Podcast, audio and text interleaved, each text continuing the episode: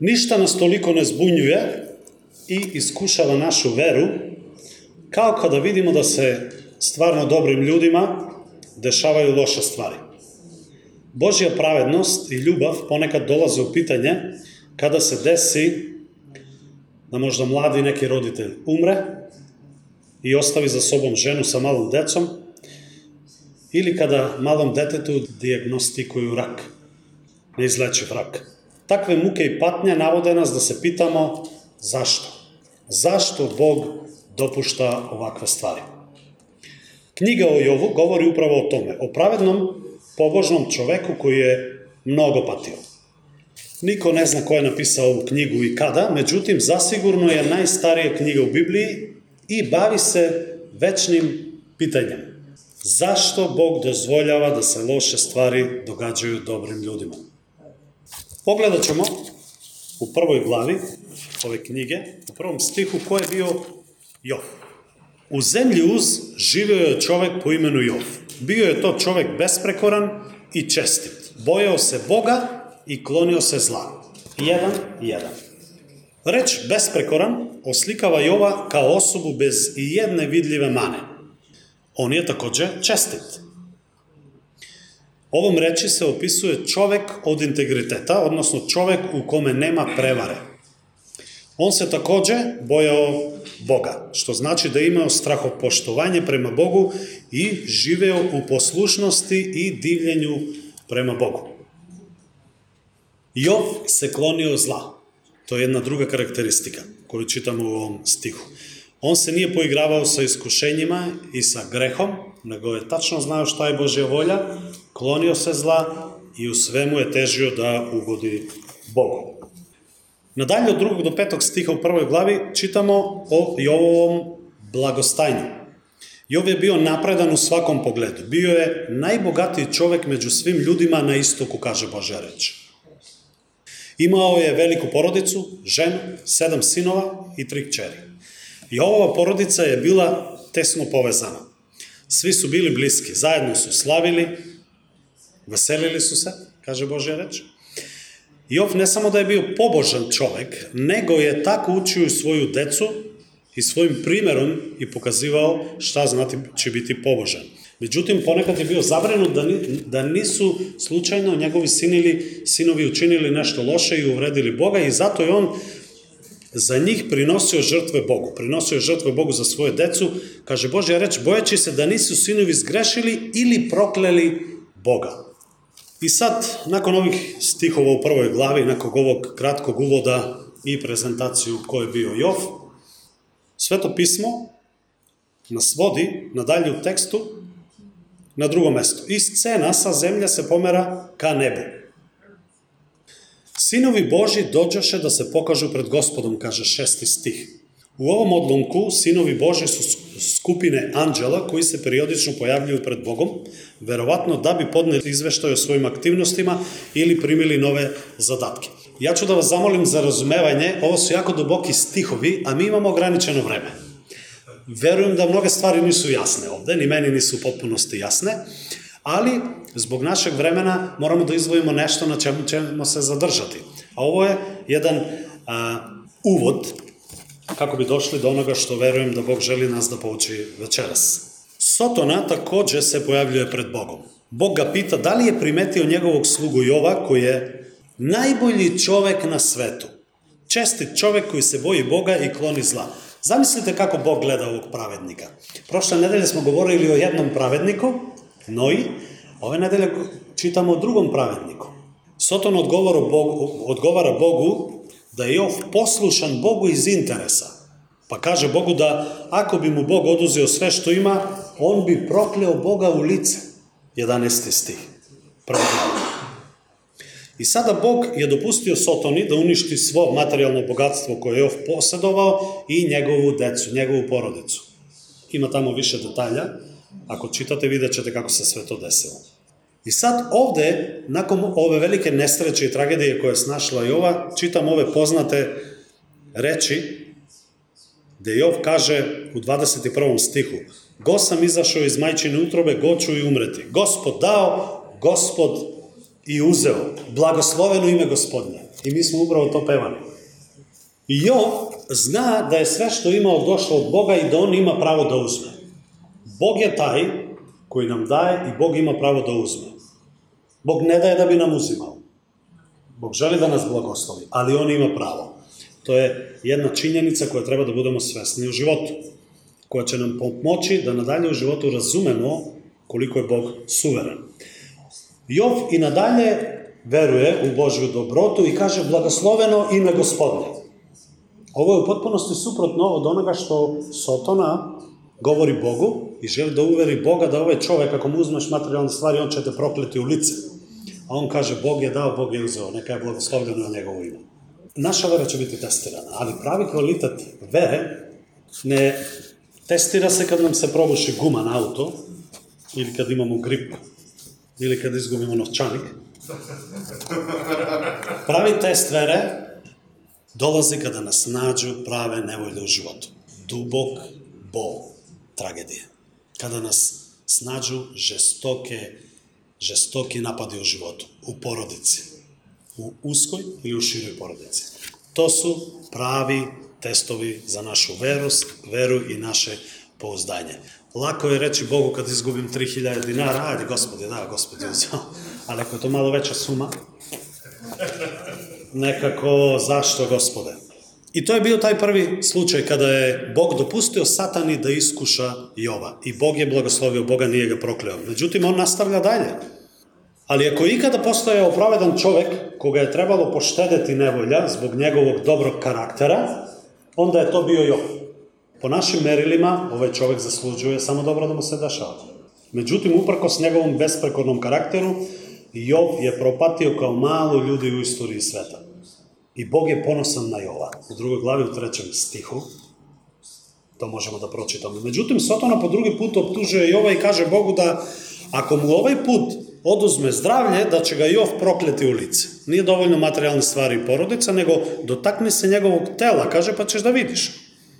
I Bog mu dopušta, dopušta Sotonu da ga udari bolestima i čirevima po telu, ali Bog mu ne da da mu oduzme život.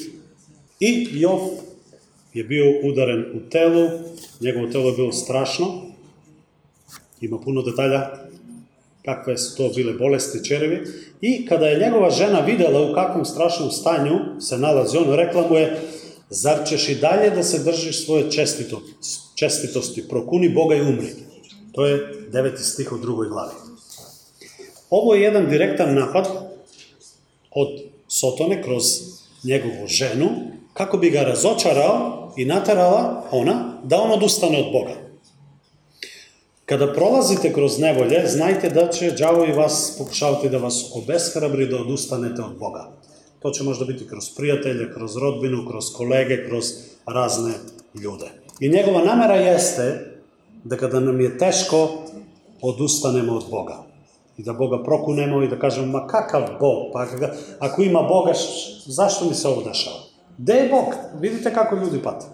Ali vi znajte da kada patite, Bog je sa vama.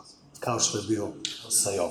I ne dajte se obeshrabriti, bez obzira što će se neprijatelj truditi na različite načine da vas obeshrabri. Jov odgovara svojoj ženi, kaže, govoriš kao bezumnica, zar da od Boga prihvatam dobro, ali ne i zlo? I uprko svemu Jov ne zgreši svojim ustima, kaže deseti stih. Zato je ovaj čovjek nazvan pravednikom zato što nije odustao od Boga. I nadalje, ja ću dati samo jedan brz, kratak pregled šta sledi u ovoj knjizi. Ovo su bile prve dve glave. U trećoj glavi imamo monolog gde Job, umesto da prokune Boga, on proklinje dan kada se je rodio. Od četvrte do 26. glave imamo tri kruga dijaloga između Jova i njegova tri prijatelja Elifas, Bildat i Cofar. Od 27. do 31. glave Jovov govor i završni Jovov monolog Onda se pojavlja ovaj prijatelj Eli, Elihu, od 32. do 37. glave i on drži svoju besedu. Onda od 38. do 41. glave gospod odgovara Jovu. U 42. glavi, u poslednjoj glavi od 1. do 6. stiha, Jov odgovara gospodu i kaže, ovo je jedan poznati stih, Moje uši su slušale o tebi, a, da, a sada su te moje oči videle na kraju svog govora. Jov kaže, to je 42. glava, 5. stih. I onda od 7. do 17. stiha imamo zaključak cele knjige, gde čitamo, posle svih ovih patnji i muka koje je Jov prešao, kaže, Gospod blagoslovi drugi deo Jovovog života više nego prvi. 12. stih. Slava Bogu za to. Jov se bori da razume svoju situaciju i traži odgovore za svoje muke. Uprkos svim mukama, Jov nije prokleo Boga, kao što je to Satana tvrdio. Nego je prokleo dan kada se je rodio. Iako se mnogo muči Jov, on prestaje da optužuje Boga zbog svog stanja i zbog navodne nepravde koje mu je nanesena, i on veruje da su njegove muke dopuštene od Boga. To možemo da vidimo kroz njegove stavove i kroz svih ovih glava koje mi nećemo čitati i nećemo zalaziti u detalje. U nastavku knjige Jov raspravlja sa svoja tri prijatelja o tome da li su njegove muke opravdane i debatuju o tome šta je rešenje za njegove patnje. Jedan mu kaže, kriv si, pokaj se, ko zna koliko si ti zgrešio, jer muke snalaze samo nesrećnici i oni koji su protiv Boga. Oni su uvereni da je Jov njegovi prijatelji da je Jov počinio neki greh i da zbog toga sada ispašta. Tvrde da je on veliki grešnik, a Jov svo vreme tvrde da je nevin. Na kraju, on osuđuje sve njihove savete, verovanje i kritike o njemu kao lažne. Ohrabrujem vas da čitate, da pročitate ovu knjigu, ima jako, jako puno mudrosti.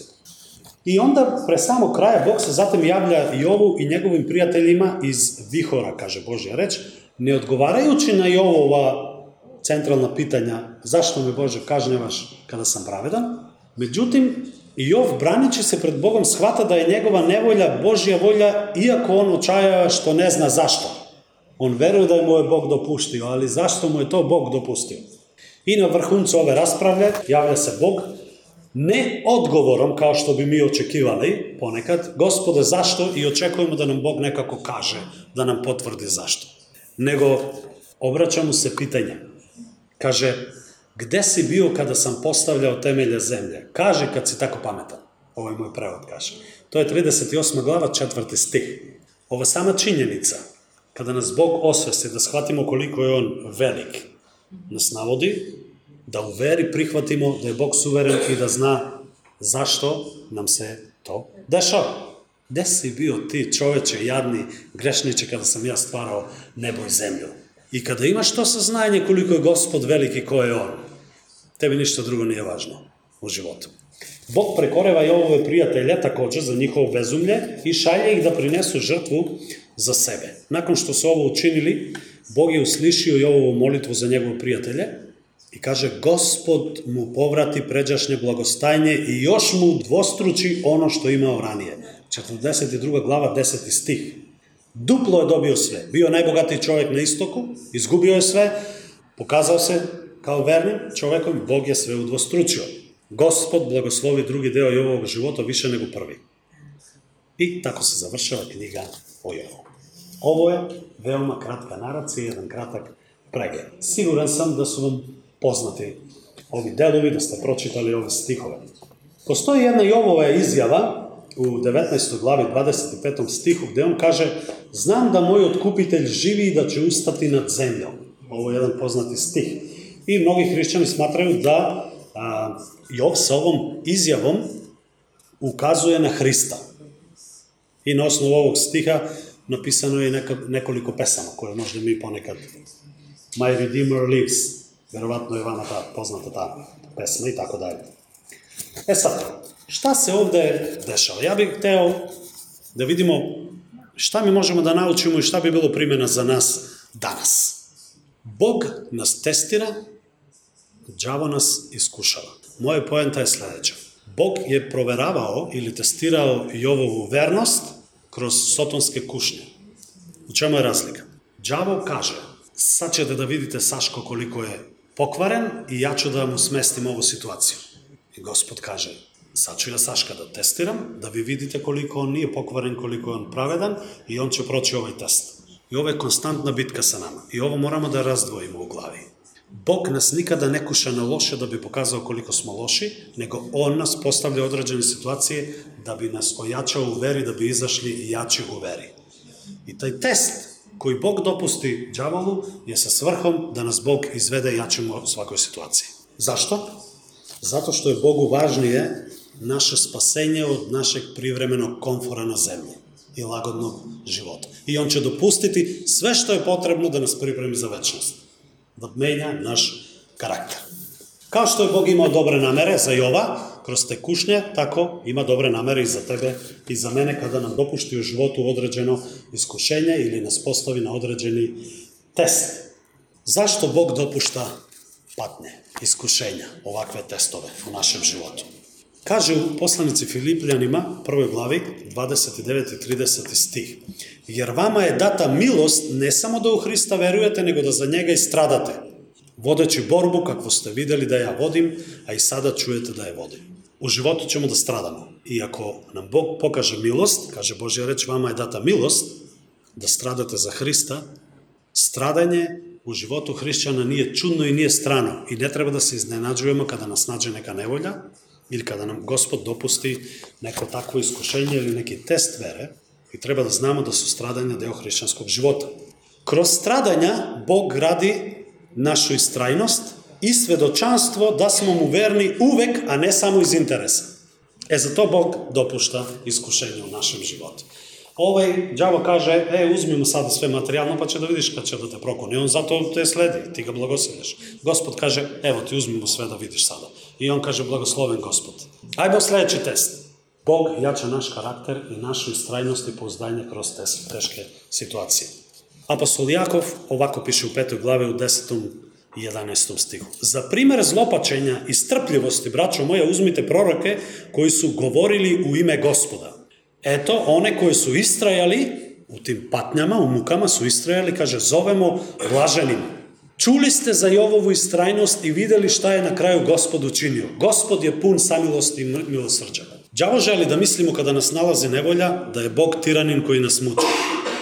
Svetopismo kaže da je gospod pun samilosti i milosrđa. I Jov je primer nama, i apostol Jakov se poziva na njegov primer. Vidite, kaže, šta znači istrajnost kada je neko veran Bogu. I tu se vidi Božja samilost. Kroz patnje upoznajemo Boga na dublji način. Naš odnos sa Bogom postane jači, lično iskustvo sa Bogom je dragocenije od bilo koje teorije i znanje koje imamo ili verujemo. Mi možda znamo, e, da, slava Bogu, gospod je dobar, haleluja, čitamo i odjednom nas nađe nevolja, ali prava nevolja. Nije ovo sada više teorija, veruješ, verujem, haleluja, ideš u crkvu, da. Sad i odjednom je nevolja, ali realna, prava. I sada treba verovati Bogu. Job kaže, moje uši su slušale o tebi, a sad su te i moje oči videle. Kada prolazimo kroz nevolju, kroz patnju, bilo koje vrste, Bog želi da produbi naš odnos sa njim, da naš odnos postane življi nego što je bio. Zato što tada srce duboko u tom bolu traži i vapi za Bogom. I dolazimo do toga da zaključimo da jedan od razloga zašto Bog dopušta nevolju u našem životu jeste da nas približi k sebi, da nam privuče pažnju. Patnje, stradanja jačaju našu veru i pripremaju nas za večnost. Ja ću vam pročitati šta je apostol Petar napisao, a vi slušajte pažljivo ove reči. U prvoj poslanici, u prvoj glavi od trećeg do desetog stiha. Neka je blagosloven Bog i Otac našeg gospoda Isusa Hrista, On nas je u svom velikom milosrđu, vaskrsenjem Isusa Hrista iz mrtvih, ponovo rodio za živu nadu, za nasledstvo koje ne propada, ne kvari se i ne vene. Ono se na nebesima čuva za vas, koje je Božija sila kroz veru čuva za spasenje spremno da se otkrije u poslednje vreme. Zbog toga se radujte. Iako vas sada, ako treba, a Bog zna da li treba ili ne treba, nakratko, znači bit će privremeno, žaloste razna iskušenja.